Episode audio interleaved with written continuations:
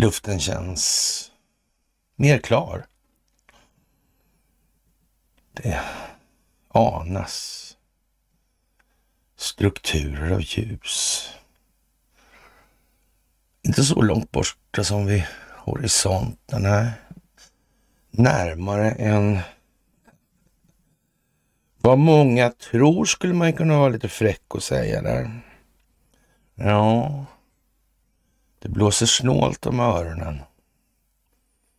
Mm. Det gör ju det på sina håll. Ja, dock inte här. Men eh, ja, den här luvan, ja, den där svansen, ja, de helst den där bakom öronen. Jag vet inte. Konstigt. Det här är ett folkbildningsprojekt. Mm, det verkar som att planeringen av optiken är ännu mer vittgående än vad vi hade tänkt oss. Faktiskt, ja.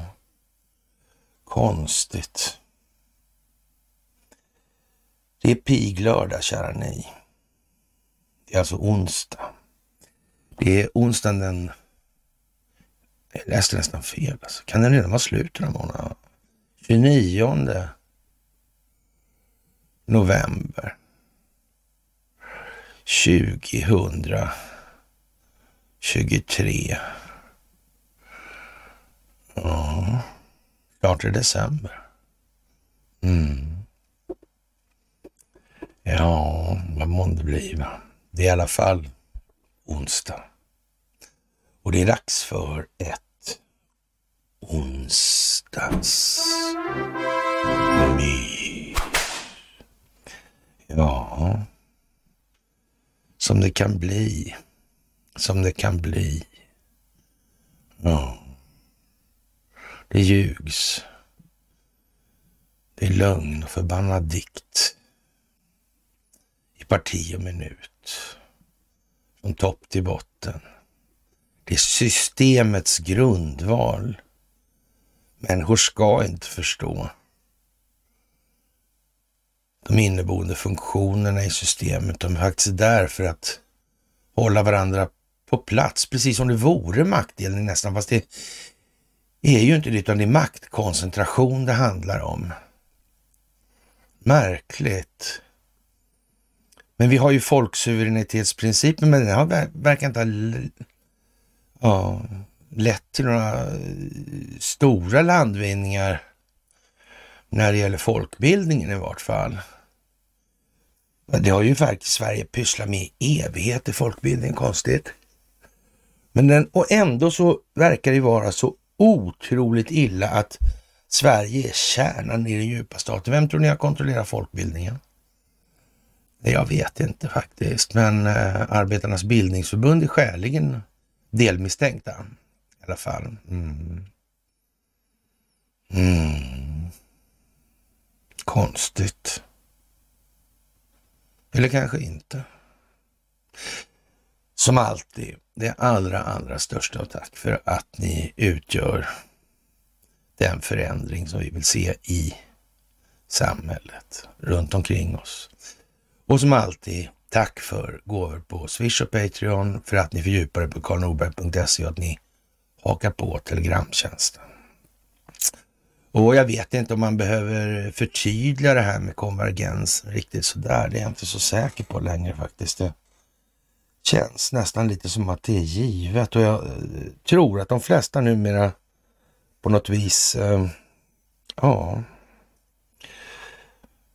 Förr sa man gnugga geniknölarna. Vad, vad, vad menar man då egentligen? Slog det mig just. Ja, är det är det käkmusklerna då som är geniknölarna här då, eller vad menar man? Eller att man håller på att få ett horn där någonstans. Ja, jag vet inte, jag känner någon liten utväxt där. Det kan vara ett horn på, på gång då. Jaha.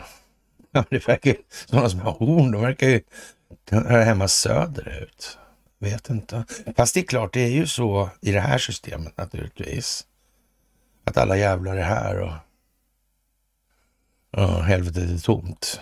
Vill jag på säga, men ja. Ja, rejäl skattesmäll för konsultfirman från Nya Karolinska. Det blev ju en jättebra affär det här och 19 anställda på konsultföretaget Boston Consulting Group Stockholms och åker på en skattesmäll. Det där var ju konstigt gäng det där äh, Boston Consulting Group ja. Det fanns väl där på Hamngatan vill jag minnas förr i tiden i alla fall. Mm. De kanske känner till någonting av Fortum. Mm. Boston Consulting verkar ju närmast, eh, ja, symbiotiskt kopplade till eh, offentlig förvaltning. Ja, det är flera hundra miljoner kronor som man upptaxeras med enligt Dagens Industri och mest av allt upptaxeras konsulten som höll i den kritiserade omorganisationen av sjukhuset Nya Karolinska. Är det inte för märkligt som det kan bli? Va? Det verkar ju som... Vad hette de där... Äh, det var väl någon jäv där här för mig, eller kommer jag ihåg fel alltså? Eh, Svinonius, eller heter det inte så? Svenonius var det ja. Det var hon med, eller Svinnonius. Ja, just det. Ja. Och, och Svinnonius har en man då. Ja. Var han finansborgare? Eller hur var det? Tvär, jag vet inte. Det var ju väldigt märkliga turer kring det där. Men det blev ju liksom ingenting fast det var så jätte, jätte uppenbart. Varför vart det inte det tro? Och sen kom man ju osökt att tänka på den där, äh, vad hette den, turist? Någonting föreningen. Mm. Man kanske kan ta en googling på de där. En sväng om liksom sådär. Det kan ju vara trevligt så här i snötider. Andreas Karling, eh, ja, han tycker eh, som Alexander Solzhenitsyn där att eh, vi vet att de ljuger. De vet att vi, de vet att de ljuger och de vet att vi vet att de ljuger och vi vet att de vet att vi vet att de ljuger. Men de ljuger fortfarande ändå alltså. Ja. Och, och möjligtvis kan ju det få som konsekvens att när någonting bryter nu, för de flesta vet ju de här grejerna. Så långt kanske, funderar inte kanske, fast de vet att vi vet att de vet så fortsätter de. Det innebär ju att ett brott i det här nu, det, det kan ju bli oerhörda konsekvenser. Fall bara lite grann rinner över någonstans kan det dra med sig hela jävla dammen. Det är ju konstigt. Mm. Ja, det går ju så fint med ekonomin också. Eh, ja, det händer ju massa konstiga saker. En eh, federal domare i Texas har beordrat FBI att eh, tillhandahålla uppgifter och information om Seth Rich och hans personliga dator och hans eh, arbetsdator, eh, DVDn och eh, ja, tape drive ja, inom 14 dagar. Ja, det där var ju ett problem, var det inte det? Det blir ju ett oerhört för problem för DNC alltså. Ja nationella demokratiska organisationen. Mm. Ja, det var hon Donna Brasil också, va, tror jag. Och sen den här andra som också tappar bort sin dator. Ja. Massa sådana här grejer. Och så ett Rich där och det var något eh, 13-gäng där eller något sånt där. Mm, det var ju det. Det var också konstigt. Och kopplingarna till Julian Assange. Mm. Då kommer vi in på Sverige, Marianne Ny, svenska rättssystemet, Thomas Bodström, Claes Borgström, Anna Ardin. Mm. Broderskapsrörelsen. Mm. Konstigt, konstigt, konstigt. Och om man tittar över tid idag så verkar det ju som att det mesta av det här verkar ju ändå stageat så att säga, iscensatt. Mm. För att märka ut och kunna mäta av, dokumentera. Mm. Det verkar ju vara så helt enkelt. Det har hållit på jättelänge helt enkelt. Vilka projekt. Det hade vi inte klarat av utan de där datorerna, det är helt säkert. Och om grunden är fel så blir det ju följdfel. Och varför är den amerikanska konstitutionen unik? Det här med... Det börjar ju med yttrandefriheten. Ja. Man måste helt enkelt tåla vad folk säger. Och den som tar till våld får skylla sig själv. Det, våldet är straffbart alltså i den meningen. Mm. Kanske använder man antisemitismen som optiskt verktyg eller exempel för att påvisa så fort någon utför eller ja, kritiserar med ord, då kommer de där grejerna. Ja. De här begreppen som är jättekonstiga. Hata hatarna och... Ja, va? Ja, är det självhat man menar då eller hur fan tänker man då liksom? Eller är det någon som ska döma av någon speciell sorts hat kanske? Mm. Jag reagerar inte så mycket egentligen på när de började klistra på med de där uh, begreppen Expo. Nej. Nej. Jag tänkte i mitt stilla sinne att ja, då får vi väl ta begreppen också då. Om det ska gå på det viset för sådant läderskola, sådan smörja hava. Mm. Ja, konstigt faktiskt. Och i Svenska Dagbladet idag, ja, i takt med att begreppet mänskliga rättigheter kommit att segla fram som en av vår tids främsta trossatser, vi alla hört där, så har ett annat centralt begrepp, medborgarskap, kommit att förlora i status. Detta hänger ihop med den kritik av nationalstat och nationalism som länge varit ett framträdande mantra Ja, det kan man väl säga, men det är väl på ganska goda grunder, för det är ju ett jävla struntbegrepp som ingen vet var det börjar och slutar och som skapades, ja, lustigt nog på den tiden Stockholmsbyråkratin stod på sin eh, absoluta topp när det gäller öppen makt i alla fall. Från höger till vänster har man torgfört visioner av såväl ett globalt marknadssamhälle som alternativt en postnationell ordning där internationalens röda flagga ersatts med drömmar om gränslös solidaritet. Ja, hur man kommer på idén om solidaritet när handel bygger på vinstmaximering till att börja dagen med alltså. Mm. Det är väldigt få människor som bedriver handel för att förlora på det, det är i alla fall säkert. Ja. Och allmännytta och egennytta är ju inte riktigt samma sak trots allt. Men strunt i detaljerna här alltså.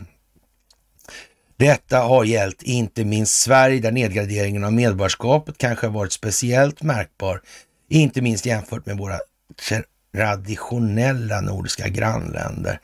Men möjligen står vi idag inför eh, medborgarskapets renässans mot bakgrund av kriget i Ukraina, Sveriges NATO-ansökan och behovet att renovera höll jag på att säga, men reformera en misslyckad integrationspolitik har frågor om medborgarskapets betydelse återkommit. Efter år av en ideologisk betoning av mångkultur som normativt ideal där assimilering och föreställningar om svensk kultur ofta sätts som suspekta, anfäktade av nationell chauvinism och främlingsfientlighet tycks den politiska vinden har vänd. vänt. Jag ska avslutningsvis återkomma till den samtidiga situationen, men låt oss först ha en idéhistorisk resa. Det finns vissa poänger med det här faktiskt.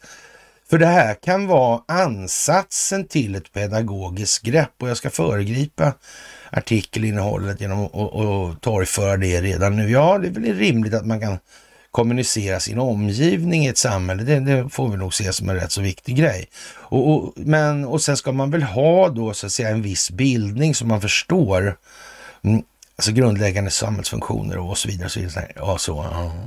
Men det, det är lite sådär si och så med även hos den svenska urbefolkningen, om vi ska, eller vad vi ska nu kalla den för. Och, och, en sak är väl i alla fall säkert, det borde gälla lika för alla. Att vi har en, ett gäng, eh, ja, så att säga migrant eller migra, ja, som har eh, immigrerat hit då alltså. Som begriper systemet och förstår systemet. Så har vi en skock svenskar som inte fattar ett skit. Och blir sura för om inget fattar. Det är väl inte så lyckat kanske. Så de flesta svenskar skulle ju tycka det var bra att man ställde krav på migranter, men då måste man nog kanske ställa krav på alla, för det är som sagt ingen bra idé att ha. Uh, intressant. Tänk om någon kommer på det här. Vi får se. Ja, det moderna medborgarbegreppet har tre centrala dimensioner. Först har vi idén om den aktiva och dygdige medborgaren som inte bara ser till eget intressen utan även till samhällets väl. Mm, men det gäller ju att förstå det där med enskild nytta och allmännytta. För det andra finns ett knippe juridiska, politiska och sociala rättigheter, likhet inför lagen, rösträtt, tillgång till skola och sjukvård med mera. Ja, det här med röstandet och utbildningen och den fantastiska sjukvården. Ja. Och, eh, och för det tredje då med Svenonius och gänget då. Och för det tredje en uppfattning om medborgarskap som nationell identitet knuten till kultur, språk, flaggor, pass, rätt att bo och arbeta i ett visst land, plikt att göra militärtjänst och så vidare. Ja, det beror ju på vad man har för eh, grundläggande eller grundsats till det här, den här statsbildningen. Och eh, det här med att ha en, en gammal penningmonarki alltså. Det verkar så sällsynt omodernt att det, ja, det verkar jättekonstigt faktiskt. Tycker jag nog. Ja. ja jag vet inte fan alltså. Jag måste gnugga lite så här. Mm. Ja, och dra ner lite så. Mm. Mm, jättemärkligt. Ja, faktiskt. Mm. Det där är jättekonstigt.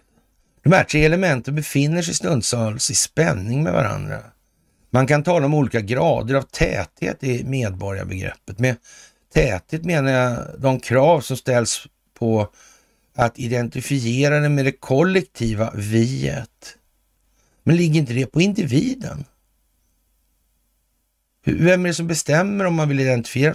Eh, jag har under många år känt att det finns en överväldigande mängd med människor i det här landet som inte jag identifierar mig med i någon större utsträckning i vart fall.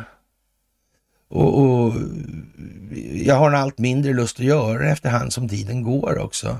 Jag vill gärna kunna identifiera sig, men det är helt omöjligt. Vi ser på tillvaron på väldigt olika sätt alltså. Ja. Jag vet inte, jag tycker deras verklighetsbedömning är så bristande att jag har svårt att uh, få någon större identifiering, identifieringslust faktiskt sådär alltså. Ja. Det är ju väldigt konstigt alltså. Mm. Ja, speciellt om betoningen ligger på en homogen kulturell eller snäv etnisk identitet. Homogen, kulturell, snäv, etnisk. Ja, nu måste vi se.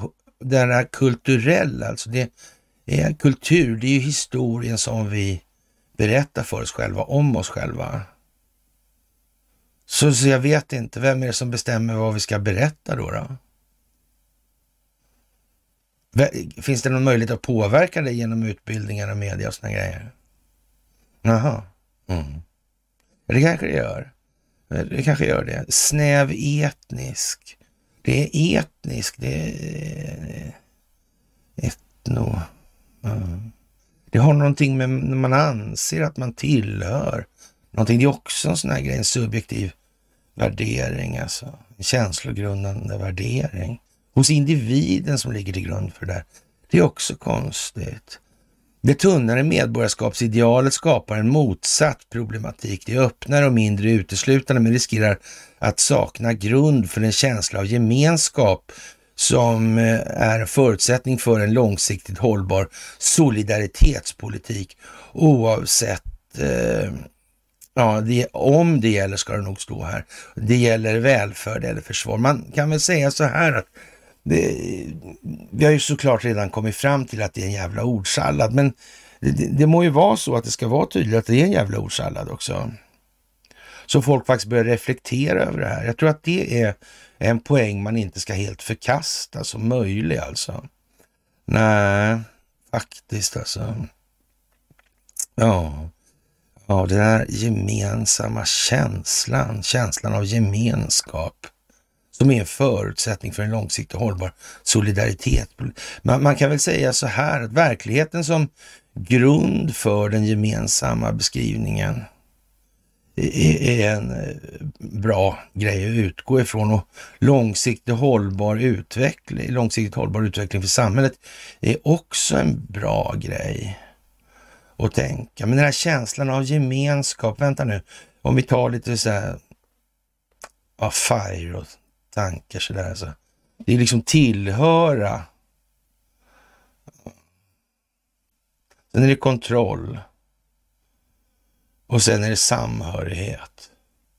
Alltså den kollektiva tanken, den genomsnittliga tanken i samhället. Den kan man säga, den har lett oss dit vi är och jag tror, tror inte vi ska Eh, föra det till torgs i någon nämnvärd utsträckning. Det verkar inte något bra just nu. Det tror jag inte, men det kan ju å andra sidan bli så oändligt mycket bättre då. Det ska vi inte heller glömma bort. Och den chansen ska vi alltså inte försitta. Det hoppas jag att alla förstår nu. Ja, det här medför i alla fall att vi står inför ett fundamentalt val. Å ena sidan en demokrati med aktiva gemenskapssträvande medborgare som stänger ute de som inte fyller stränga krav på kollektiv identifikation och aktiv politisk medverkan. Och den andra sidan en politisk ordning som ställer minimala krav på medborgarna men istället erbjuder eh, en lägre inträdeströskel. Ja, det här med att inte förstå någonting, det är klart att då är ju det där med kultur, det spelar ju ingen roll. Då behöver vi inte ha någon kultur i så fall och alla är bara Ja. Jag vet inte om det är så bra. Jag tror man ska försöka eh, odla de goda sidorna, de goda egenskaperna hos människan och kanske försöka motverka dominansen av de primitiva känslorna. Men vad vet jag alltså? Av födsel och ohejdad vana kan jag tala om att eh, ja, det inpräntades ganska så ordentligt. Vilket som var att föredra. Ja, och eh, mm, denna inneboende spänning har sina rötter i medborgarskapets långa och motsägelsefulla historia. Det är en av de äldsta politiska institutionerna i europeiskt tänkande och liv. En viss form av medborgarskap är förknippad med framväxten av den moderna nationalstaten, denna förnämliga skapelse lägger jag till där men idén och praktiken har rötter som går tillbaka till, de klass, till det klassiska Grekland. För grekerna var medborgarskapet grundläggande, inte bara för republikens väl, men vänta nu, demokrati och republik och... Men det är någonting annat va? än vad vi har. Det är det nog ja. Mm, med yttrandefriheten, vi har ju massor med regler. Tänk vad konstigt. Ja, ju mer upplyst och medveten befolkning man har, desto tunnare lagbok behöver man. Konstigt. Och om när alla människor är fullkomliga och vi har blivit Gud tillsammans, allihopa, då behöver vi inga rättesnören. Alla kan nämligen allting som behöver kunnas. Men som sagt, det, det är inte på den här sina jul alltså. Det är det inte. Och jag tror att det är vägen dit vi får sikta på istället. Hur långt vi själva räcker fram. Ja, det är som man säger, c'est vi. Mm. Jaha, och eh, som sagt, eh, ja, för grekerna var så medborgarskapet en grundläggande, inte bara för republikens väl och vi, utan även för förståelsen vad det innebär att vara en person. Medborgarskapet förknippades därför med vishet, jag tror inte visdom kanske, men, eh, eller kanske vishet då kan det heta också. Eh, dygd, hängivenhet eh, gentemot polis, egenskaper som kännetecknade enbart den som uppnått en hög nivå av personlighetsutveckling. Och det må ju ha varit fallet en gång i tiden och det, idag kanske man ska vara lite spetsigare i eh, ja, analysen av självbilden eh, ändå alltså. Denna differentierade, hierarkiska och småskaliga föreställning om medborgarskap fick sin eh, fortsättning i de italienska stadsstaterna, speciellt i Florens. Var det inte där det fanns bankirer? Eh, som tidvis hade en fri författning och ett dynamiskt politiskt liv. Till medborgarhumanisterna hör Machiavelli som med sin republikanska aktivism betonade medborgarnas beredskap att ställa upp för res publica, den offentliga saken, om så krävdes med vapen i hand. Det kan man kanske tänka på också här. Mm, att det måste finnas något försvar av det där på något vis. Ungefär som kanske i USA, jag vet inte. Detta var också en humani humanistisk tradition som kom att påverka den amerikanska liberal arts-idén där just allmänbildning var ett lika centralt mål som den mer specialiserade instrumentella utbildningen av blivande läkare, advokater, affärsmän och så vidare en tradition som idag står under akut hot i USA. Just i det ögonblicket då demokratin är i kris och behovet av bildade aktiva medborgare är som störst. Det stämmer ju det där sista. Behovet av bildade och aktiva medborgare är som störst nu. Mm, det är det. Men det har aldrig varit bättre heller än nu. Nej. Och det säger lite om vilken ställning man har tagit i den här artikeln i värdeladdningen. Men som sagt, syftet bakom den ställningen då? Mm. Ja, det återstår väl kanske. Sett ur den klassiska traditionens perspektiv är den form av medborgarskap som blivit typiskt för den europeiska nationalstaten emellertid tämligen påver en förklaring är att det moderna medborgarskapet inte främst har sina rötter i den antika traditionen, utan i dess eh, dödgrävare, den absoluta staten. Ja, det är ju så. Vi kan ju inte gärna ha mer frihet än vad vi klarar av att ta ansvar för. För då kommer det, då kommer det ovillkorligen gå ut över en massa andra människor. Det går inte liksom att det är där, därför vi inte ger små barn skarpladdade vapen att leka med. Alltså. Likt undersåten framstår den moderna medborgaren som passiv jämfört med antikens ideal. När den franska revolutionen, den var ju kapad så det räcker för de som inte har förstått det, svepte undan det gamla feodalsamhället blev visserligen den moderna medborgaren formellt delaktig i folket och nationens suveränitet. Men som Rousseau beskriver det i om samhällsfördraget, medborgaren är alltid en undersåte. Som delaktig i den suveräna makten skapar medborgaren lagen, men eh, i det dagliga livet är medborgaren underställd detsamma. Ja, och som sagt, all offentlig makt eh, utgår ju från folket. Konsekvensen var ett uttunnat medborgarskap och en passiv medborgare som röstar då och då och som ser medborgarskapet som en form av identitet. Eh, ja, som medlemskap i den nationella gemenskapen, men som framförallt förknippar nationalstaten med rättigheter snarare än plikter och ansvar. Staten som föga mer än ett stort försäkringsbolag finansierat via skattsedeln. Och det var väl inte fel ändå? Kan man ju inte säga. I modern tid måste man emellertid skilja, skilja den amerikanska och europeiska utvecklingen. Mm, man måste nog det. I USA växte en politisk kultur fram som utgör en besynnerlig blandning av mycket täta republikanska ideal och en extremt tunn version av medborgarskapet. Mm. De klassiska grekiska och italienska idealen har visserligen satt sina tydliga spår i det som oftast förknippas med town hall meetings och ett allmänt patos för medborgerligt engagemang. Men liberalismens idégods där individens rätt och frihet sätts i första rummet och statens makt begränsad har kommit att dominera. Ja, resultatet har blivit ett medborgarbegrepp som visserligen har lett till en öppenhet gentemot invandring men till priset av en eh, privatisering av sociala investeringar och försäkringar. Spänningen mellan dessa traditioner förklarar mycket av den märkliga blandningen av en fas på social dygd å ena sidan och kallhamrad marknadsindividualism å den andra som kännetecknar amerikansk politisk kultur. Och det där kanske man ska tänka på också. Alltså. Det är ju lite grann så.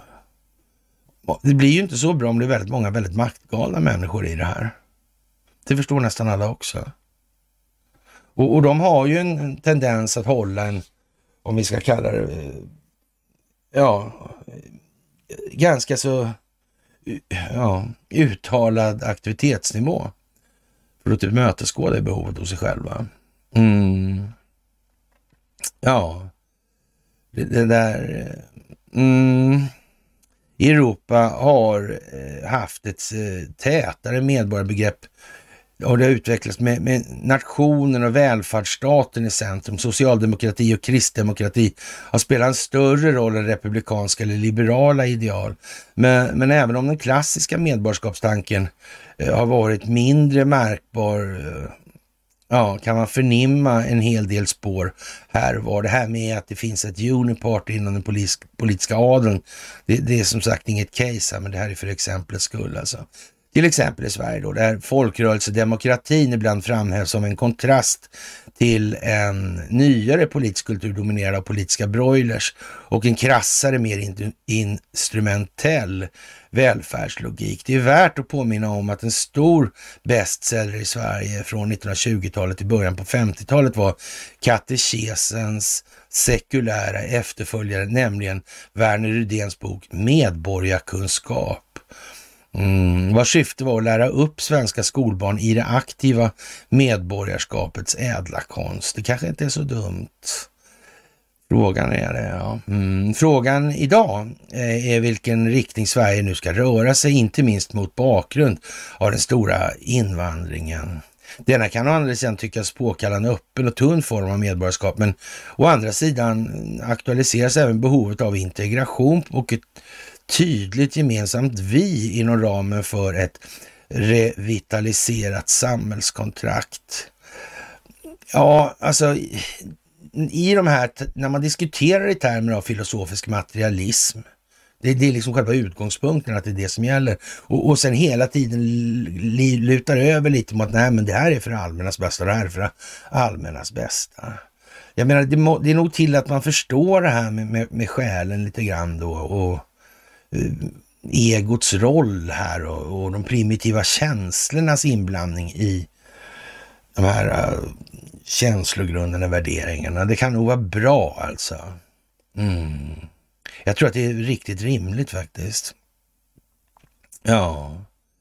Enligt den norska sociologen Grete Brochman har Sverige under senare decennier valt den tunna vägen, inte minst jämfört med andra skandinaviska länder.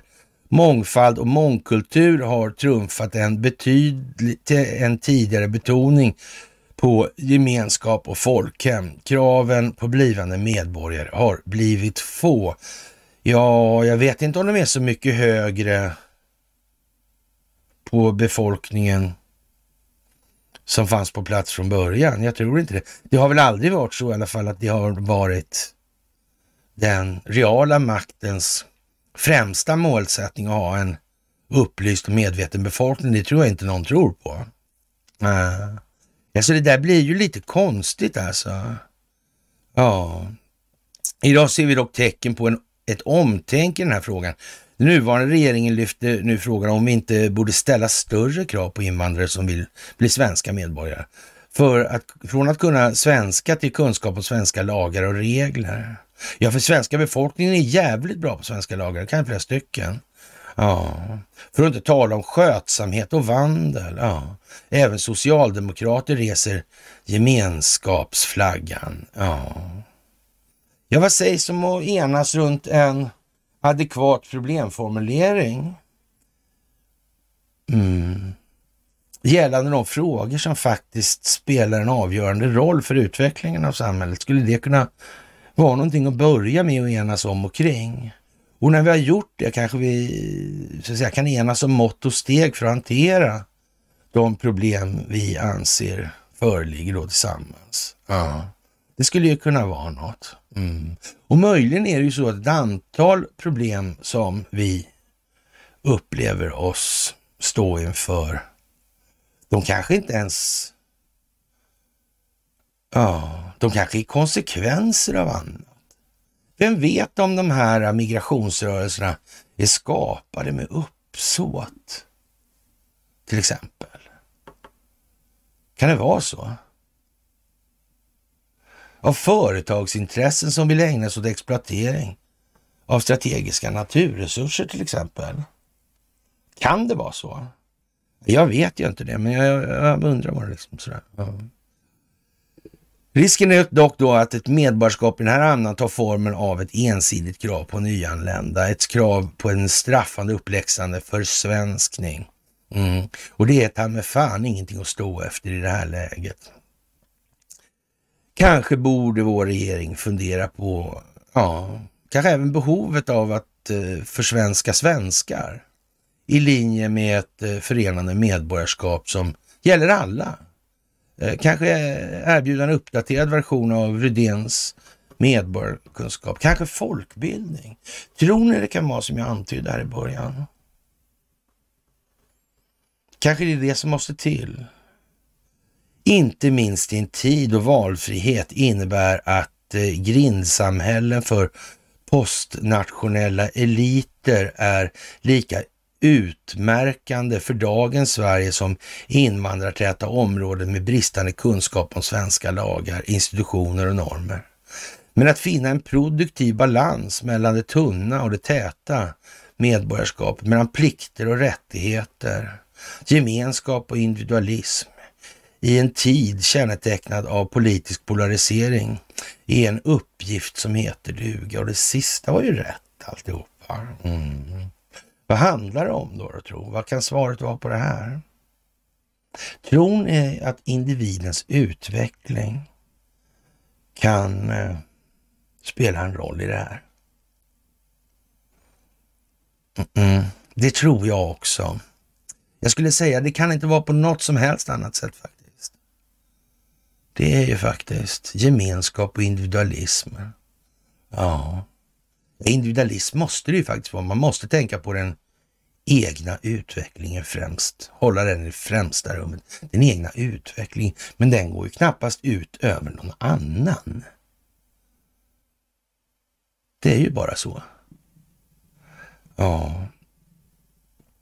Ja, det är lite speciellt alltså. Och allvarlig JO-kritik mot förvaltningsrättens handläggningstid. Jag tror det svenska rättssystemet är på G helt enkelt.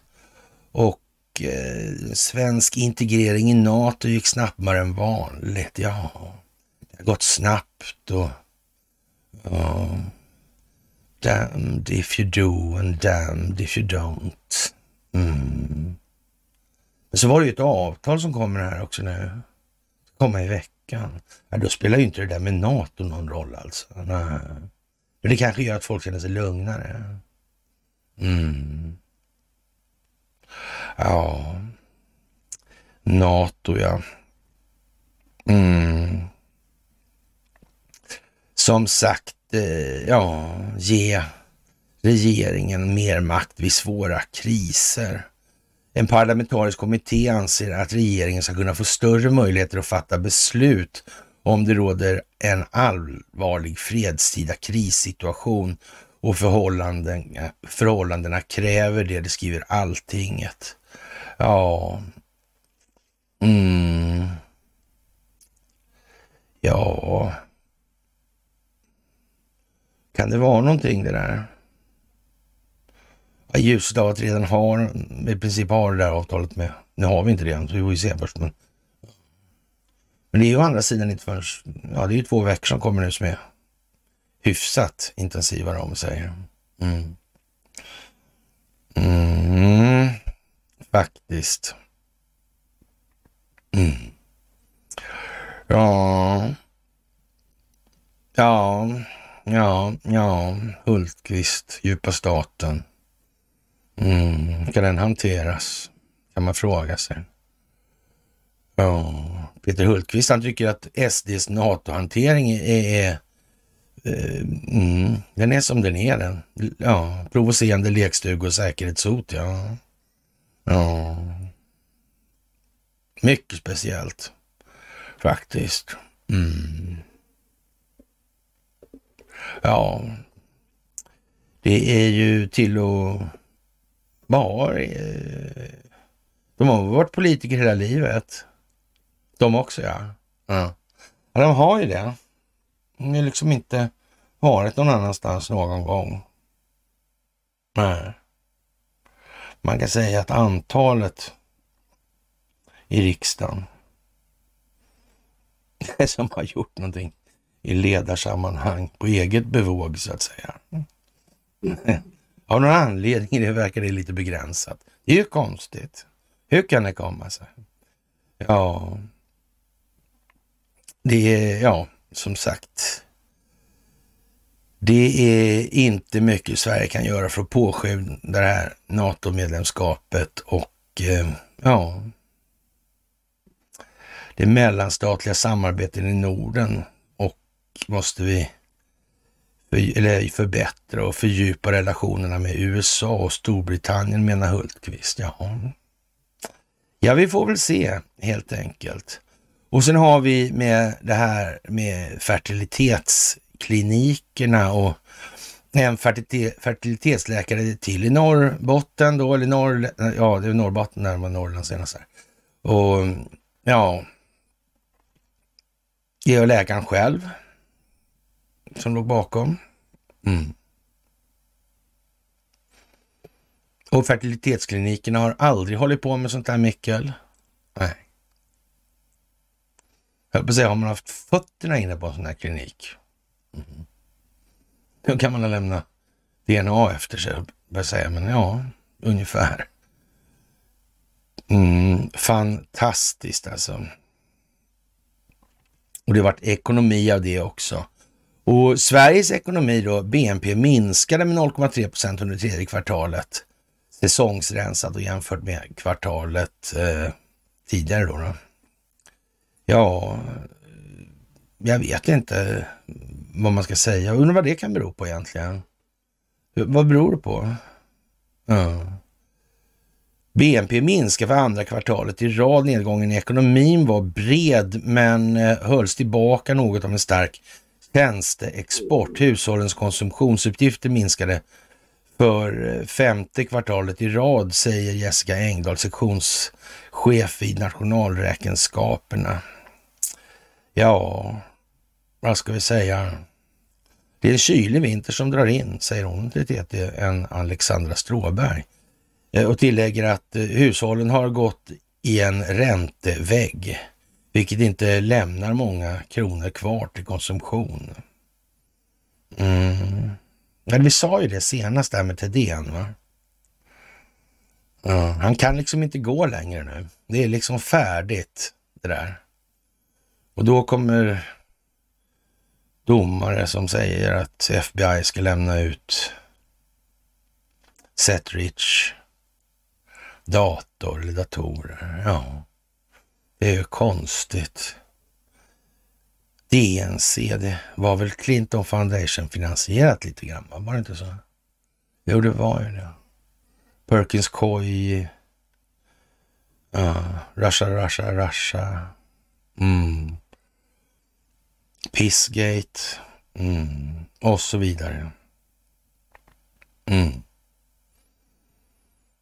Mutor, svarta pengar, Joe Biden, Clinton, uh, Soros, Obama. Mm. Ja, det kan man ju tänka på. Och häpnadsväckande nog så misstänk, många misstänker fixade matcher inom handbollen, internationella handbollsmästerskap. Ja, konstigt alltså. Det var jättemärkligt. En av tre som spelat internationella handbollsmästerskap i Sverige, Norge eller Danmark de senaste fem åren har spelat matcher som de misstänkt har varit uppgjorda. Tänk så märkligt. Tänk om det finns fler saker som är så.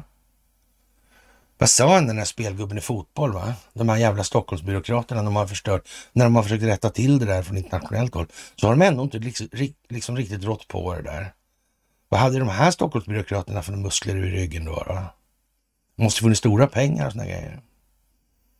Det kan ju rent av ha varit underrättelsetjänsterna som sa att de måste hålla på sådär för att det fanns kommunister eller ja, fascister nazister. Ja, antisemister. Mm. Jag vet inte. Konstigt alltså. Men enligt Europeiska handels eller handbollsförbundets ordförande Mikael Wider, eh, ja, det finns inga bevis helt enkelt. Nej, nej. Ja, ja. Och eh, mm, han verkar vara från Österrike, ja. Tucker Carlson eh, börjar prata om uh, unidentified flying object, alltså oidentifierade fly, flygande objekt. Och, och, och, till och med om det här med ja, extraterrestrier, alltså som utomjordingar, kommer upp lite grann. Men han aktar sig lite grann från att säga, för det är trots allt så att ett oidentifierat flygande objekt inte behöver komma någon annanstans ifrån eller en annan solsystem eller sådär. Alltså det kan ju finnas teknologi som inte är alla förunnat att ta del av. Mm. Det kan ju ligga enskilda vinstmaximeringsintressen bakom det här, till exempel med ja, energivapen.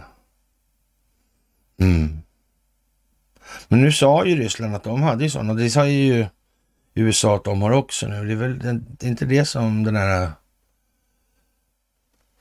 ja, Sankt Elmos Fire, va? Var det inte det? Mm, Sankt Elmos Fire.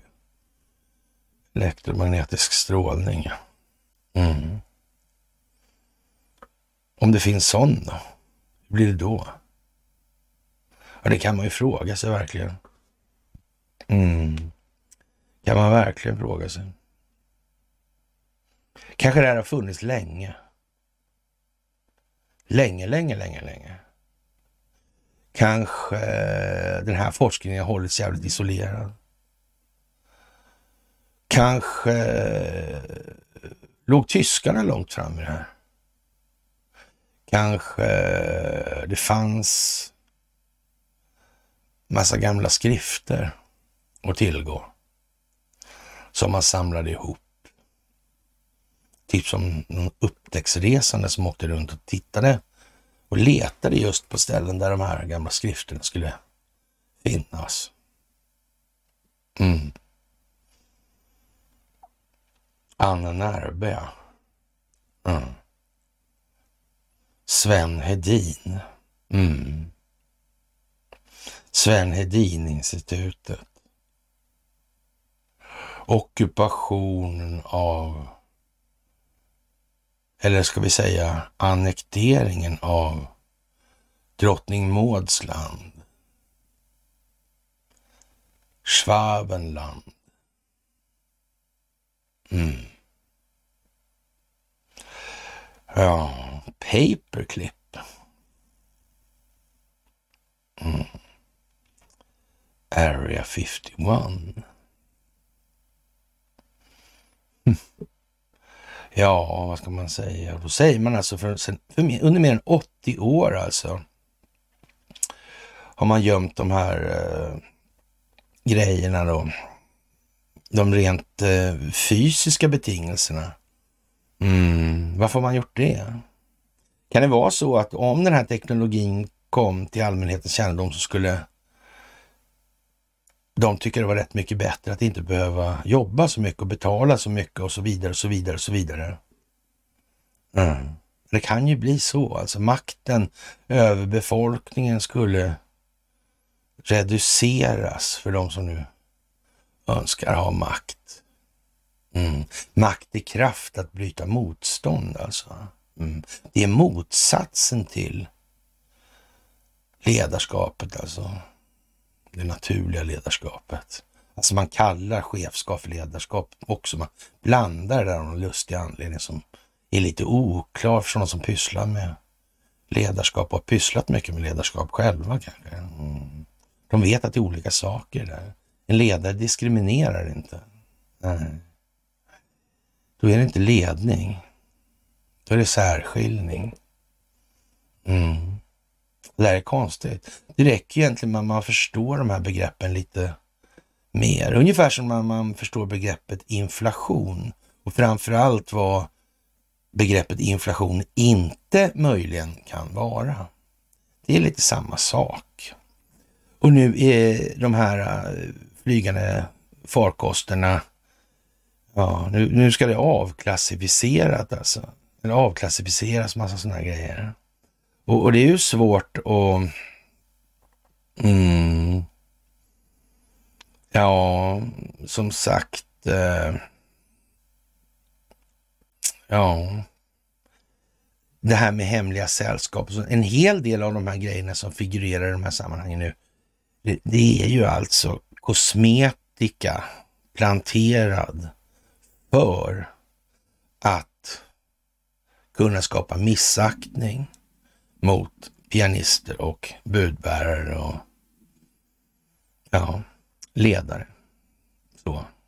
Upplysning till ledning. Till vidare upplysning och ledning. Mm. Kan man ju tänka på faktiskt. Och som sagt, eh, vi tror väl ändå de här immaterialrättsfantasterna är ju inte sällan kopplade till Sverige då. Och då kan man väl kanske, ja, gissa på att eftersom det var Sven Hedin och Anna Närbö och det gick ju bak ända till, ja, ja i vart fall till början på 1900-talet. Det var ju så. Mm. Det finns inte så mycket att diskutera om helt enkelt. Nej. Och den ryska regeringen godkände ett projekt att skapa en månstation tillsammans med Kina. Det var jättekonstigt. Det var liksom en liten halv eh, degig, sån där som, det går egentligen inte att göra någon mys på sådana där, men, men ändå liksom. Mm, en sak är, är, är, var anmärkningsvärd här tyckte jag och, och eh, det här med, med Ja, verkligen märkligt alltså. Mm. Eh, det är tre olika steg då i det här projektet som Kina och Ryssland ska för att etablera eh, bas på månen då. Och, och det andra steget, och det är planeten att kontrollcenter för Lunar Station då, leverera bulklast till satelliten, skapa orbitalmoduler för att leverera el och tillhandahålla transporttjänster. Ja, konstigt alltså. Mm. Enligt dokumentet kommer varor som transporteras enligt avtalet att vara befriade från tullar och skatter. Vilken konstig sak att ta upp. Dessutom kommer stöd att ges till industrin i samband med skapandet av Lunar Station. Vad är det här för märkligt? Vad är det här för någonting? Skulle det, finnas, skulle det vara liksom som i den där, ja vad hette det där, sommar, på sommarmorgon där och där. Var det inte någon sån här, äh, jo det var det va? Jag tror det var det i alla fall. Mm. Galaxer i mina braxer, braxer var med där också. Mm. Mira hette någon där också. Ja. Då hade de sådana tankmackor där på i, ute i rymden. Mm. Och advokatyren får sig en riktig släng av sleven nu. Alltså det är, ja, en advokaten Martin Kullberg har varit eh, försvarsadvokat. Men frågan är vad Martin Kullberg egentligen har gjort alltså. Att jag sa för hundra år sedan nästan, men för att eh, ja, det blir ju då bankirer, politiker, mediamänniskor och jurister. Mm. Ja. Det, det, är ju inte så mycket att diskutera om. De är ju rätt så bärande för den här skiten. De gör ingenting för att göra åt, något åt det heller. Och, och, nu vill han bli polis den här advokaten och det kanske är en väldigt klok grej att göra. Mm. Man skulle nästan säga så här, om man inte hade lyckats övertala några advokater att ja, ja, du har gjort så här och så, men vi gör uddat jämnt. Men då gäller följande nu alltså. Mm. Ja, tittar man på den här filmen när det gäller då det här som hände i Sundsvall. Som skulle mördas. Det var ju inte bara minutiöst. Nej, det var de inte.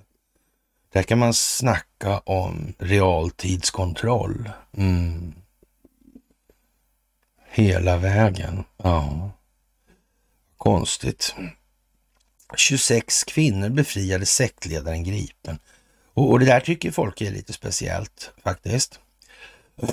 Och problemet är ju med det där då, eh, egentligen inte då att folk går med i sekter, så där det får de väl göra. Det får ju precis som, ja man får ju tro på vilka tomter och troll man vill liksom. Men eh, problemet är ju att det går ju att så att säga slå mynt av det där då. Och att sekter håller folk fångna, det blir ju sektens fel liksom. Att man skulle institutionalisera det där på något vis, jag vet inte. Det är helt omöjligt att tänka sig att någon har gjort så. Och om man dessutom använder den typen av business för att skapa hållhakar, ja då vet jag inte. Skulle de aldrig ha kommit på det menar någon då? Nej men det tror jag inte på. Det har någon gjort alltså. Ja. Och en grej i det här, så för det kom upp samtidigt. Ylva börjar med BDSM då, ja, vid 76 års ålder och eh, ja, det är ju lite sådär fnissigt nästan alltså. Mm. Konstigt. Undrar hur många sexklubbar som är övervakade. Mm. Ja, Mille skulle jag aldrig ha kommit på idén i alla fall. Nej. Nej, konstigt alltså. Mm. Men eh, att man torgför det här med att Ylva började med BDSM när hon var 76. Liksom, ja, det, eh, om man säger så här då. Eh, det, det, finns nog ganska mycket ja, förtryckt sexualitet ackumulerad i befolkningen. Jag är inte sådär helt säker på att... Ja. Mm. Att alla tittar varandra i ögonen hela akten igenom de här uttrycken så. Då. Ja, för att hålla det lite åt... Det finns en hel del grejer som de flesta har med sig och reda ut i den biten, den delen. Mm. Ja, det där är faktiskt... Eh, men det skapar också grogrund för en hel massa saker, de här avarterna då. då. Ja. När blir en avart? När börjar en avart? När slutar den egentligen? Vad är normen? Vad är normalt? Vad är rimligt? Kanske det ska sättas ur, i ett perspektiv, ur ett perspektiv för alltid. Ja. Kanske det ska sättas ur ett perspektiv. Ja. Som leder till Ja, inte att enskilda förgriper sig på barn, det tror jag inte på. Det måste vara lite bättre hyfs på det helt enkelt. Det kan ju vara så att det är samhällets bästa. Faktiskt. Ja. Och i USA då är det nu panik på den djupa staten.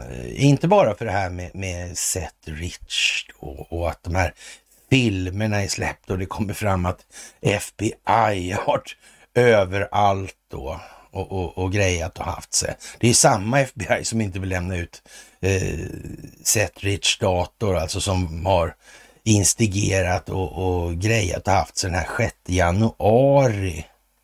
De hade ju liksom inget val där, nej. Nej. De måste täppa igen det här med valfusket. Mm. Ja, konstigt alltså.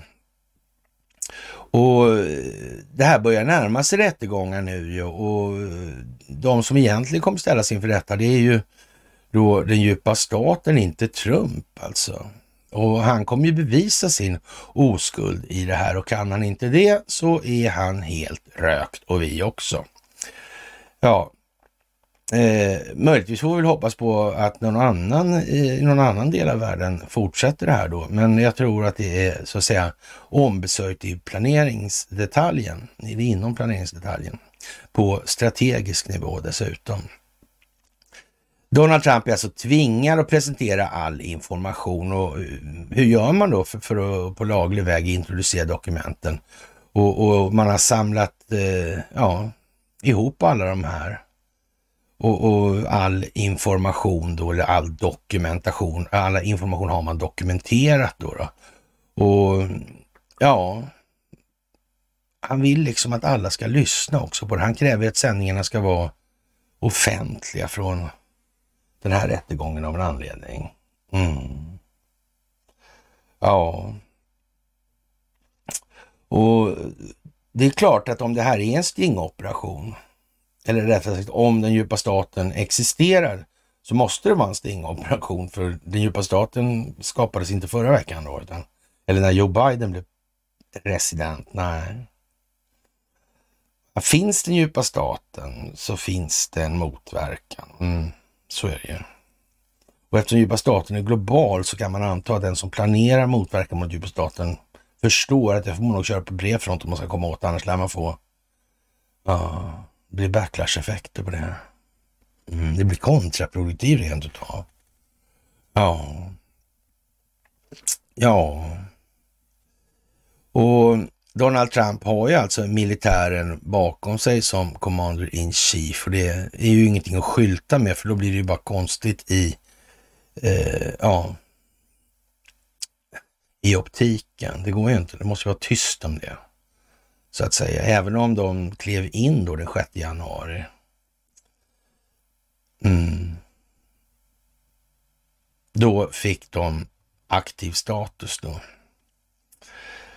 Ja, det är ju ganska speciellt alltså. Och eh, mm, militären finns, bakgrunden hela tiden och eh, det är ju informationsflöden naturligtvis och koordineras med andra länder det här också. Det är precis som på Some of All Fears. Det finns back channels alltså i de här sammanhangen för att säkerställa att det inte spårar ur. Och samtidigt måste man hålla på med folkbildning och vi kan ju alla då som ja, har tänkt lite på det här och, och kanske upplever att vi själva har förstått lite mer än svensken i gemen då i alla fall Uh, ja, vi kan ju i alla fall konstatera att det är en skrämmande nivå på det allmänna medvetna medvetandet i befolkningen. De kan inte skilja mellan land och nation. De kan inte, det, det, det, man måste skriva som man skrev där i Svenska Dagbladet under sträckaren där. Annars får man inte gehör alltså. Det måste vara det här jävla ja, ordsalladen alltså. Det är inflation för det ena och det är negativ inflation också. Ja. Negativ inflation alltså. Ja. ja, ja, jag vet inte det. Ni, ni hör ju hur det låter alltså. Mm. Och för att militären ska visas offentlig, eller kunna visas offentligt med, med någon politisk trovärdighet så måste det hända någonting som ja, har fått eh, tillräcklig medial uppmärksamhet alltså. Att USA är utsatt då för uppror eller krig eller sådana här grejer. Mm. Och nu är det klart att det blir ju inte bra med de här övervakningsfilmerna alltså. Och, och nu kräver man alltså att man ska från FBI's sida då och kanske till och med från Nancy Pelosis sida. Att man ska redovisa om man hade några infiltratörer i det här. Mm, eller hur många. Mm. Det blir ju lite tokigt då. Det kommer liksom tillbaka och biter då. då. Ja, och om det skulle stå ett krig för dörren så tillåter lagen att den amerikanska militären opererar i USA. Och, och det kan man ju säga, det, det, kan man ju låta Joe Biden och, och Kamala, Kamala Harris eh, hålla på med att skapa alltså. Och en krigshandling kan vara cyberattack och, och, det kan också aktivera militären. Mm. Så det, det, själva aktiveringen är ju inga problem, men det bästa är naturligtvis om Joe Biden sköter den aktiveringen. Mm. Precis som att det är bäst om han är, är, president eller om Kamala Harris är president spelar kanske ingen roll. Men eh, när det här med centralbankerna och Seth Rich och FBI och alla de här sakerna klingar ur samtidigt. Mm. Problemen tornar upp sig. Ja. Och eh, Trump har ju sagt hela tiden att vi går mot krig och det kan man ju säga i, intills dess eh, att det är krig. Men det är ju faktiskt det det är redan. Eh, det moderna krigets tre delar är vad de är och man kan inte säga att informationskriget inte pågår för fullt, det har pågått väldigt länge. Man kan inte påstå att det ekonomiska kriget, det är bevisligen så att det är massor med sanktioner i omlopp, höll jag på att säga. Men, mm. Fast det blir ju hela tiden det omvända syftet, precis som det har blivit med ja, informationshanteringsbiten, så har det ju gått den djupa staten emot, trots att den inte finns då, eller hur man nu ska se på det där. Jag vet inte. Mm. Och vi går ju in i 2024 här alldeles strax och det kommer att trappas upp mer och mer. Och ja, det går eh, inte att säga exakt hur varje upplevelse kommer bli. Alltså det här måste bli en upplevelse för befolkningarna. Det måste bli lidande i form av rädsla och vidare. Och ja, vad ska jag säga egentligen? Det är ju liksom lite lätt tillspetsat är vad det måste bli alltså. Mm. Det kommer att ja, få Kubakrisen att framstå som... Mm. Men det är samma krafter ja, i rörelse så. Ja, ja. Ja, och, eh, och det här med att eh, det måste upplevas för att de ska, människor ska förstå det, annars kommer det komma direkt och att det här handlar om någon form av statskupp och ja, så. Då, samtidigt som man ska ha klart för sig att det här mäts ju hela tiden hur utvecklingen går och hur opinionsklimatet, eh, ja, det opinionsbildningsmässiga utvecklingsklimatet eh, förändras. Hur mottagligheten ser ut. Hur mycket resonans det blir. Hur mycket dissonans det blir. Vad är resultaten på en viss given artikel? Hur mycket troll måste man sätta in för att väga upp den förväntade andelen? Ja, som man säga, eh, vidgat förståelse. Så. Och sen får man mäta av det där, så får man kolla på reaktionen efter det va? och så vidare. I sådana hyss som Jan Halper Hayes ägnar sig åt, men inte vill riktigt redovisa att hon håller på med. Men det får man ju förstå alltså. Så det är inte mer. Mm. Ja, det är som sagt, eh, de har varit igång sedan då 3 november egentligen då, sedan valet då och man gjorde det här valfusket. Och ja, och den aktiverades då i samband med den här grejen vid Vita huset då den 6 januari. Om man vill ha det så, men det är liksom ingen idé att ta det så. Du måste, man måste ha in någonting som gör det. Eh, för om man gör så, då kommer man samtidigt få uppleva att alla, så att säga den djupa statens gräsrötter kommer att springa allt vad de kan alltså. Åt alla möjliga håll. En del kommer att ta sig för riktigt dumma saker. Det verkar onödigt att behöva hantera. Sådär.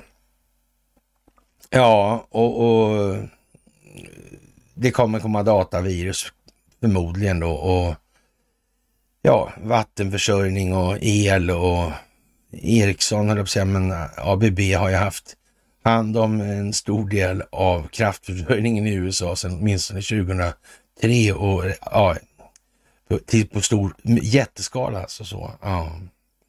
Och det här med att påstå att elsystemet har blivit utsatt för en attack, ja det är klart att det är inte så svårt att man kontrollerar de där systemen. Då kan man ju mickla i godan ro, sen kan man skylla på då att det är främmande Man kan Skylla på Kina, skylla på Ryssland, skylla på Iran och så vidare. När det i själva verket alltid när det gäller sådana där grejer, då är det the Swedish Kings of Cyberwar.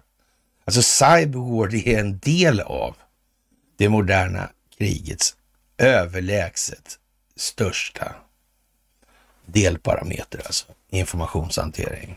Mm. Och eh, ja, då eh, är det som det är nu och, och ja, det är frågan om det blir Biden eller Harris liksom. Vi får väl se helt enkelt. Och, mm, och det är ja, lite kaos här och var faktiskt kan man ju säga nu. Och eh, var eh, tar det vägen? Hur mycket kaos är det egentligen? Hur går det i Ukraina? Vet man det? Ja, jag vet inte. Och ja, kongressen vill höra Hunter Biden alltså under ed. Mm. Men nu eh, kunde det ju inte stoppas längre. Men tidigare ja, ville man ju inte, men nu, ja. Ja. Det där är ju speciellt alltså. Faktiskt, ja. Och jag tror någonstans att eh, Hunter Biden, han har nog gjort exakt vad han ska alltså och gör exakt vad han ska. Mm. Så är det nog. Ja, faktiskt. Det skakar i tillvaron för familjen Biden helt enkelt. Det är inte mycket att diskutera. Och eh, Donald Trump Eh, har ju sagt att när han återkommer till Vita huset ska han tillsätta en speciell åklagare, för den här speciella åklagaren kommer naturligtvis få färdiga utredningsmaterial och de är dessutom färdigförhandlade i den meningen att de inblandade har naturligtvis medverkat i det där. Ja, Faktiskt. Och eh, vad ska man säga? De allra flesta vill ha en mur mot Mexiko numera och vill att alla som ska in i USA ska kontrolleras. Mm. Ja, konstigt. Och de här äh, människorna som mår katastrofalt dåligt alltså. Hur var det där med psykvården egentligen? Var det riktigt bra det där? Mm. Jag vet inte. Jättespeciellt alltså. Och 26 eh, personer arresteras i Haraldson County i Georgia för human trafficking. Detta under en stingoperation den 15 och 16 november. Sex offer räddades. Mm. Och Pizzagate är ju på väg upp i ljuset och verklighet. Vi har ju alltid sagt att stoppa inte fingrarna i det där. Det kommer vara, det bara dräller av försåt. Mm. Så är det ju. Då måste man vara säker på vad som är sant och vad som inte är sant i förhållande till verkligheten. Mm. Ja, annars blir man skjuten ja, som en pianist helt enkelt. Och det här pågår alltså inte bara i USA utan över hela världen och, och, allt som kommer upp alltså. Det, det, innebär ju att det blir namn efter namn efter namn och då kommer man kunna se då liksom att de här människorna sitter ju ihop i kluster. Mm. Det är liksom samma gäng, ungefär som vi har haft som tema under alla föreläsningar vi har hållit på ämnet då, eller i ämnet. Ja, och eh, som sagt, Conor McGregor säger numera att det är så att Irland är i krig alltså. Mm. Ja, man vet ju inte. Det kan man ju säga att befolkningen på Irland är i krig med den djupa staten. Det kan man absolut säga. Mm. Och dessutom verkar ju Conor McGregor vara... Ja, han verkar ju ligga bra till i vissa kretsar i alla fall. Mm. Sådana som inte gillar den djupa staten så alltså. Ja. Och ja, som sagt, ett tecken på att den djupa staten är på väg mot krig är att Finland har stängt sina gränser mot Ryssland. Alltså, så, enkelt, så är det inte riktigt, men ja, det gäller från torsdag och två veckor framåt. Men det kommer att förlängas. Nej, det vet jag inte om jag skulle säga sådär. Så. Kanske inte behövs. Och om det förlängs så, ja, det där är inte riktigt sådär alltså. Tror jag. Det är nog lite djupare än så. Mm. Men här ser man, man får väl säga att det är amerikanska tolkningar så. Ja, ja. Och angående gisslan i Gaza var den första amerikan som släpptes en affärskollega till Hunter Biden och, och, och det är ju kus, konstigt alltså.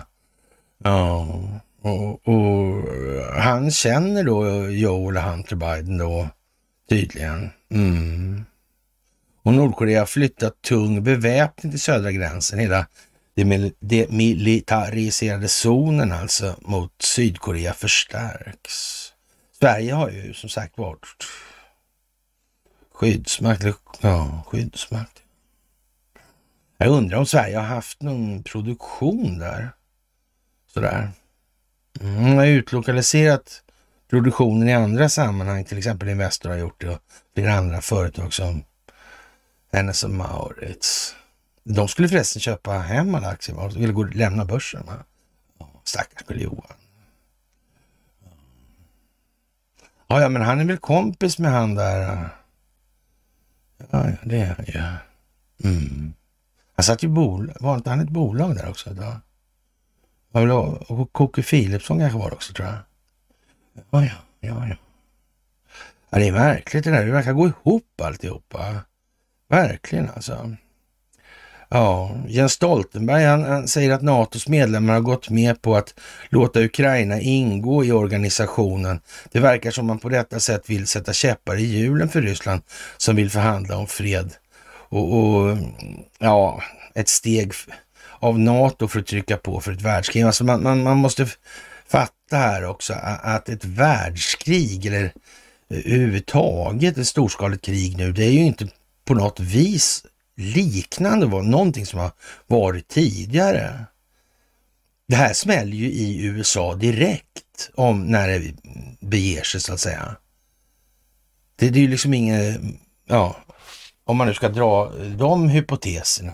Men, men som sagt, nu ska ju folk bli rädda, så man får väl säga då att när man anför sig att det går mot världskrig så där, då får man nog i dagens läge eh, tänka sig att eh, ja, man får väl lägga, skicka med då att eh, ja, det måste vara så liksom. De, får, de reagerar inte annars, alltså, så det är inte mer med det.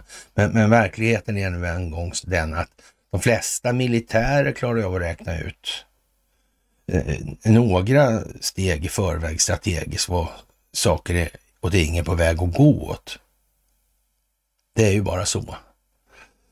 Och eh, ja, Elon Musk säger då att eh, de som inte kan hantera verkligheten ska ta bort sitt konto från X och allmänheten kommer att öka närvaron där då, för där finns den bästa källan till sanningen jämfört med andra sociala medier. Ja, så är det ju. Och jag tror faktiskt inte att eh, Facebook och Youtube eh, ligger så mycket efter egentligen, men det får inte gå för fort alltså. Det måste gå lagom takt alltså. Ja. Och ja, det här är en speciell tid i den meningen och Donald Trump kontaktade Nancy Pelosi den 5 januari där eh, 20 21 då. Han ville att National Guard skulle närvara vid Kapitolium då han förstod att det skulle bli enorma mängder människor som ville närvara vid demonstrationerna. Och kanske han förstod även att det var ja, någonting på gång. Det var ju då han... Eh, han sa ju sånt där konstigt då också. Va?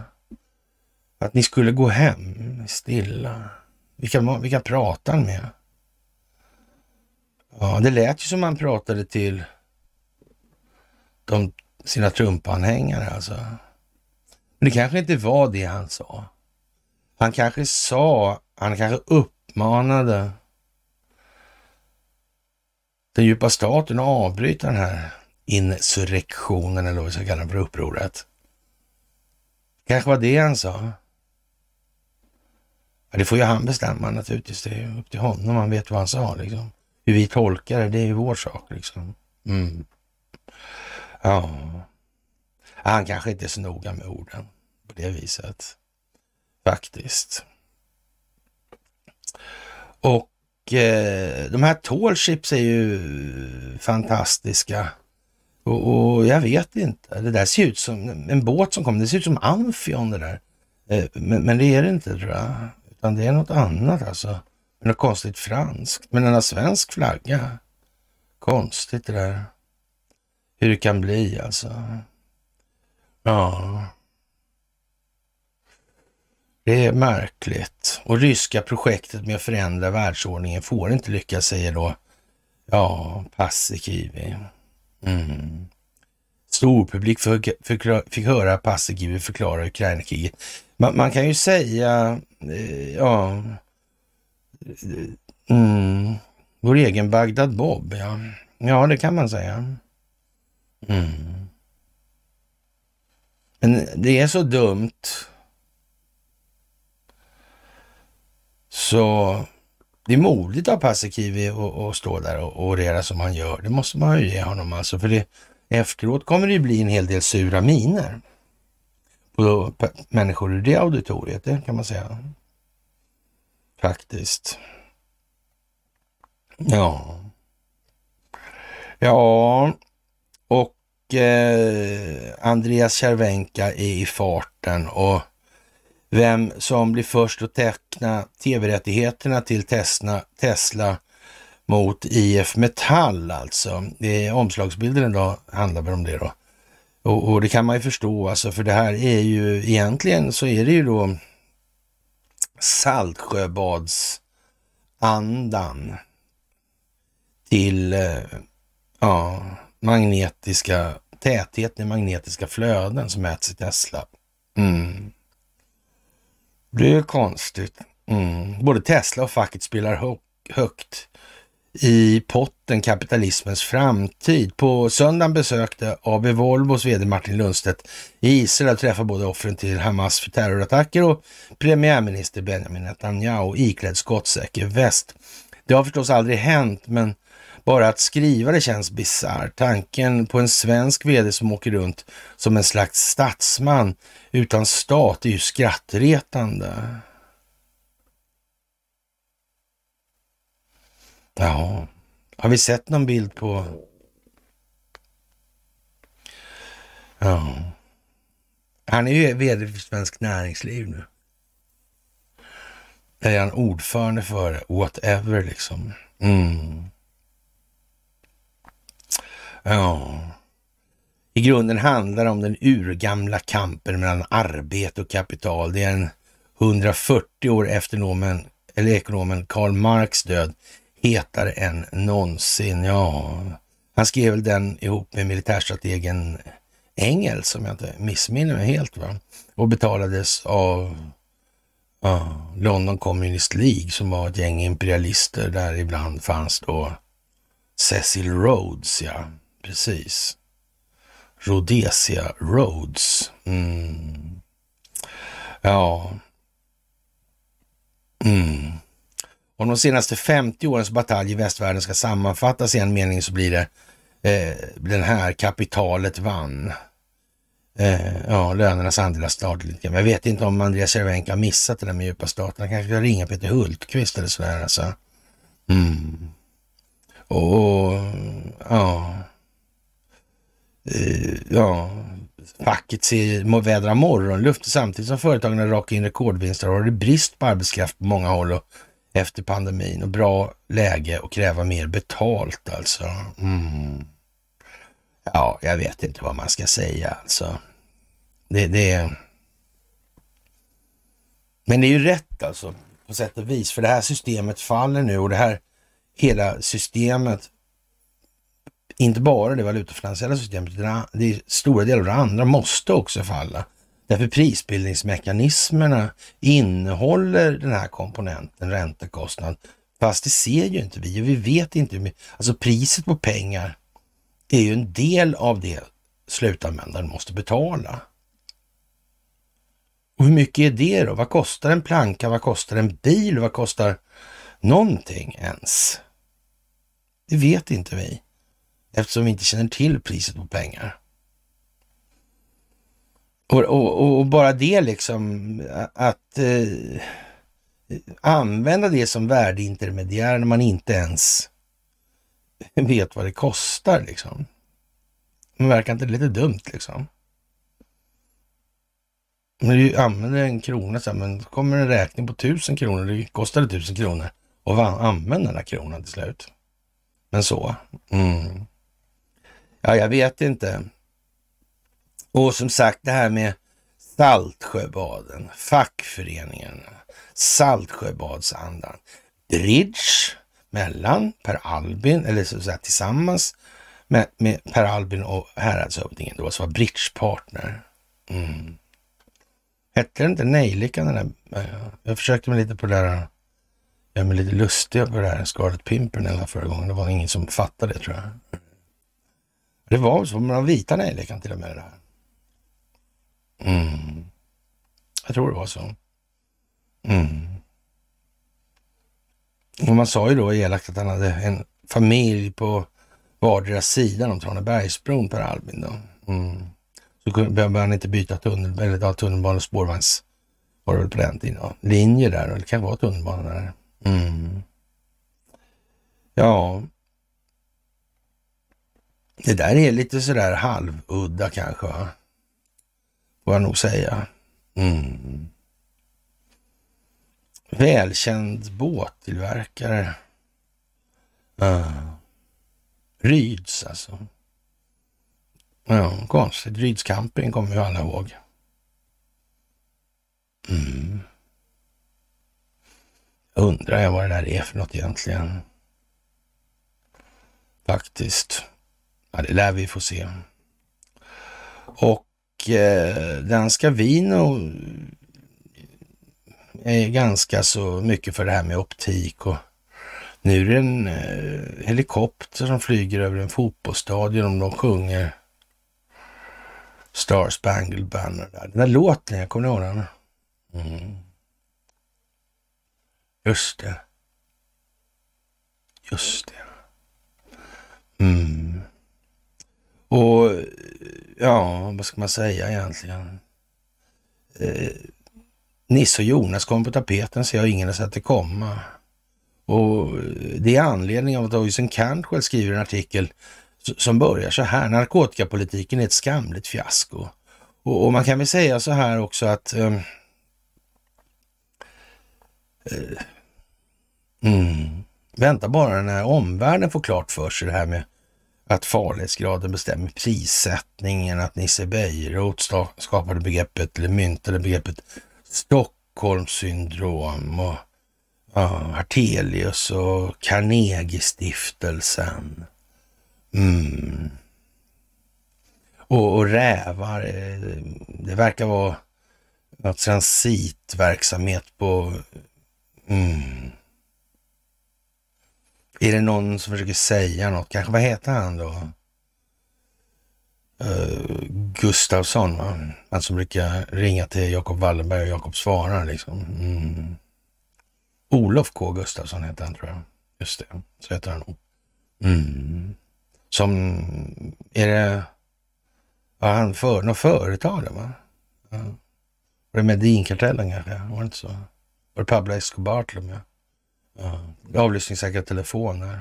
Mm. Ja, jag undrar hur länge stacklet har suttit på stackars Jakob Wallenberg. Alltså. Ja. ja, han kanske aldrig ens har varit i en annan situation än vad han befinner sig nu. Det eh, vet ju inte vi alltså. Ja, det kan väl, det ska man nog inte hålla för otroligt. Dum vore man ju annars. Om man ville motverka den djupa staten. Det vore man faktiskt. Mm. Ja, kriminaliseringen av narkotika hur som helst då, för eget bruk har varit dyr, ineffektiv och rent av skadlig, visar en ny och gedigen utredning. Oisen, skojsen. Ja, Ojsan skojsan. Den presenteras idag eller går på ett av alla konferenscenter som gamla fina byggnader i centrala Stockholm har byggts om till till eh, runt hörnet från en lagstiftande församling som inte vill höra talas om ifrågasättande av den svenska narkotikapolitikens käpphästar. Tala i mikrofonen hade någon skrivit med stora bokstäver på en vit tavla. Möjligen beroende på att två av tre rapportförfattare på scenen utbildade sig till kriminologer vid tiden för Älvkvarns brand. Att de hade varit med ett tag har det dock den fördelen att det för med sig kunskap och det professorerna eh, Henrik Tam, Filippe Estrada inte vet om sitt ämne är sannolikt inte heller värt att veta.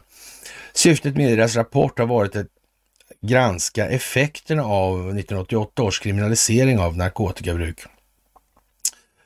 Och Dessutom har de undersökt 1993 års straffskärpning som gjordes för att polisen skulle kunna börja jaga missbrukare och tvinga till sig prover av urin och blod. Ja, och inte för att de skulle kunna... Nej, nej, nej. Kriminologerna har tittat på narkotikamarknaden och utbudets utveckling, tagit del av kriminalstatistik och undersökningar med med självrapporterade drogvanor, studerat siffror över överdoser som lett till döden och gjort jämförelser med andra länder. Dyster är slutsatsen.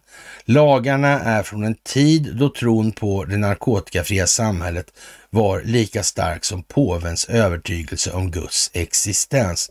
Ja, i alla fall. Eh, men det tycks eh, verkligen, det tycks inte ha fyllt någon vettig funktion.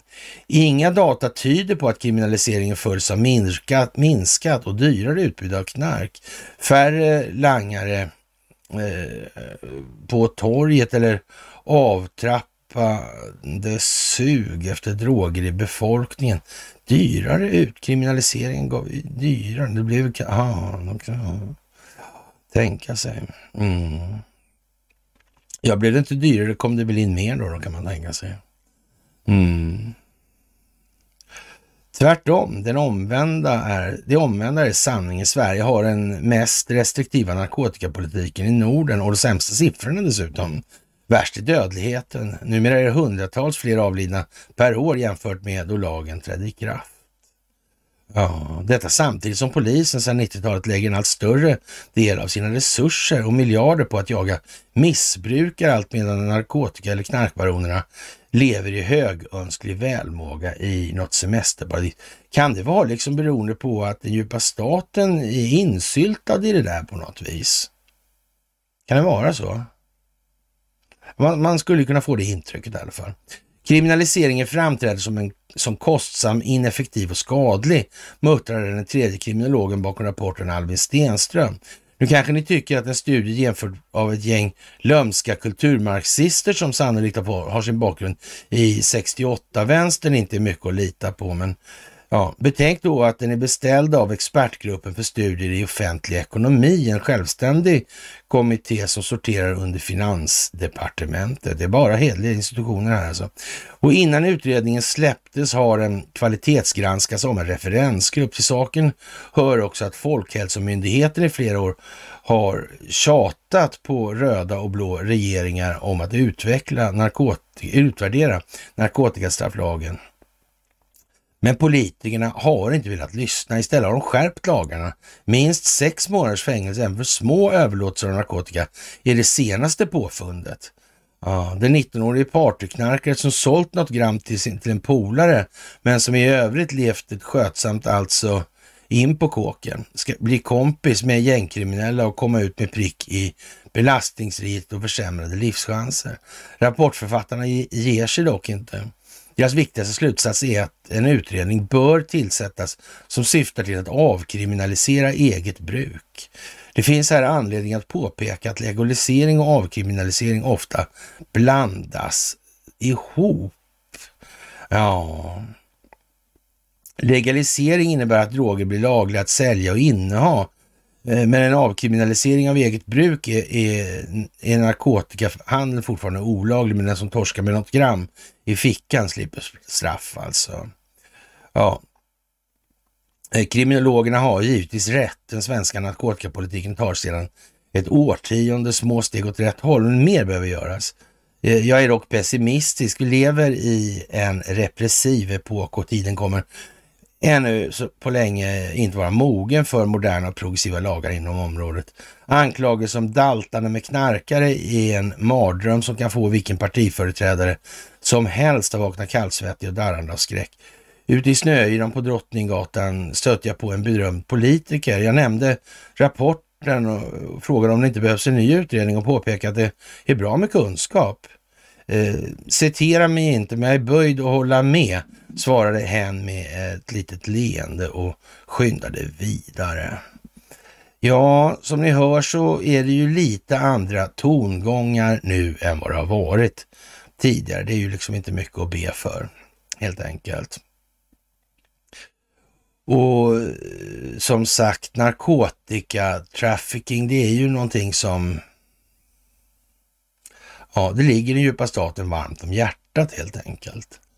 Och, och, ja, det är speciellt alltså.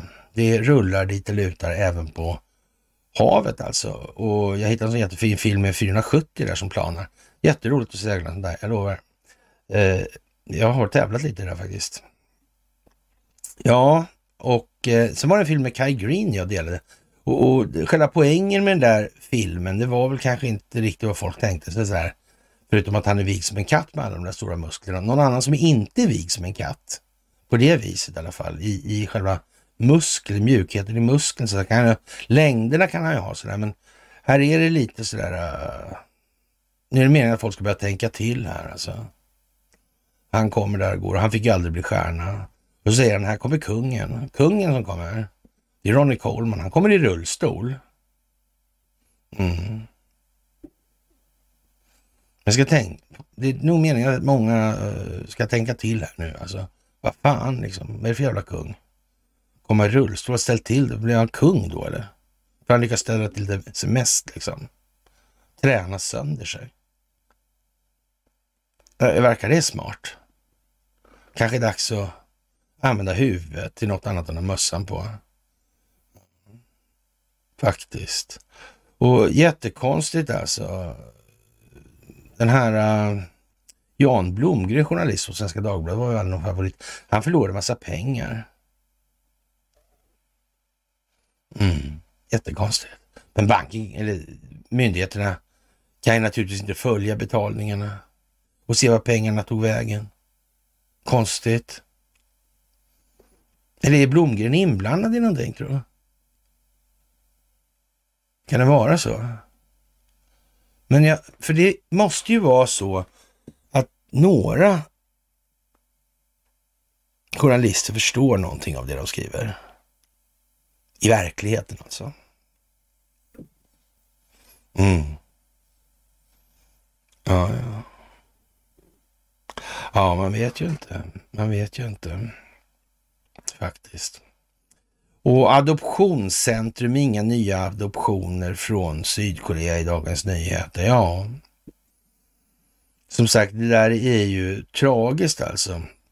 Adoptionscentrum drar tillbaka eh, sin ansökan om att fortsätta förmedla adoption från Sydkorea. Och det här sker alltså 70 år efter den svenska adoptionen från landet la grunden för den internationella adoptionsrörelse. Man skulle nästan kunna säga adoptionshandel kostar ju pengar. Mm. Det var ju det just. Mm. Så märkligt. Mm. Medborgarskap, ja. Mm. Hur gör man med de där små barnen då? Ska de bli medborgare eller? Ska de inte det? Mm.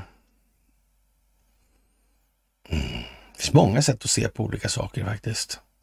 Det gör det ju. Det måste man ju säga.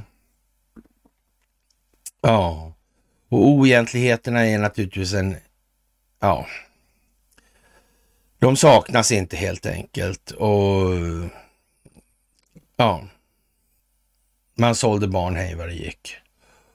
Och eh, ja, som sagt, vi har en statsminister från den firman helt enkelt. Ja, undrar om det är, är menat att folk ska liksom... Ja. Och Finland stänger då den sista gränsövergången. Raja Joseppi mot Ryssland. Mm. mm. Blir det krig? Varför skulle det bli krig? Ja, varför skulle det bli krig? Är ni oförskämd? Mm, det går runt, runt. Och hur såg strukturerna ut då, nu när det börjar bli lite bankkrisdags? Hur såg de här strukturerna ut vid finanskrisen 2008-2009? Jag eh, plockade fram en massa bilder på Makiti-kartor där. Som då. Om man tittar på de här strukturerna, hur det såg ut med F? Hennes finansiering, man tittar på Investors sammansättning, bolag och så vidare i allt det här. Man tittar på Clinton Foundation och så vidare. Var är de delaktiga någonstans? Och så ser man ju att om man tittar på de här marketingkartorna och inte förstår det här, då vet inte jag riktigt. Det är i alla fall optik till klara bilder alltså. Och det är då eh, noga räknat 15 stycken bilder. Och eftersom det är samma namn på nästan hela tiden så det, ja, det är ju som det är faktiskt. Mm. Och ja, det här med Mackedekartorna, det är klart att, att de försvann. Det går ju inte att ha det där. Då får man aldrig någon, något genomslag på bredden i det här. Det är omöjligt. Folk kommer inte sätta sig med den här typen av... Det är för svårt. Det är för mycket. Det måste till en tillställning som den vi nu befinner oss i. Det är bara så helt enkelt. Och kinesisk skuggbank nära konkurs. Ja, det handlar om derivatmarknaden alltså. Mm skuggbanksystemet uppfann av, uppfunnet av Blythe Masters på Morgan Stanley. Mm. Ja, en mycket speciell människa.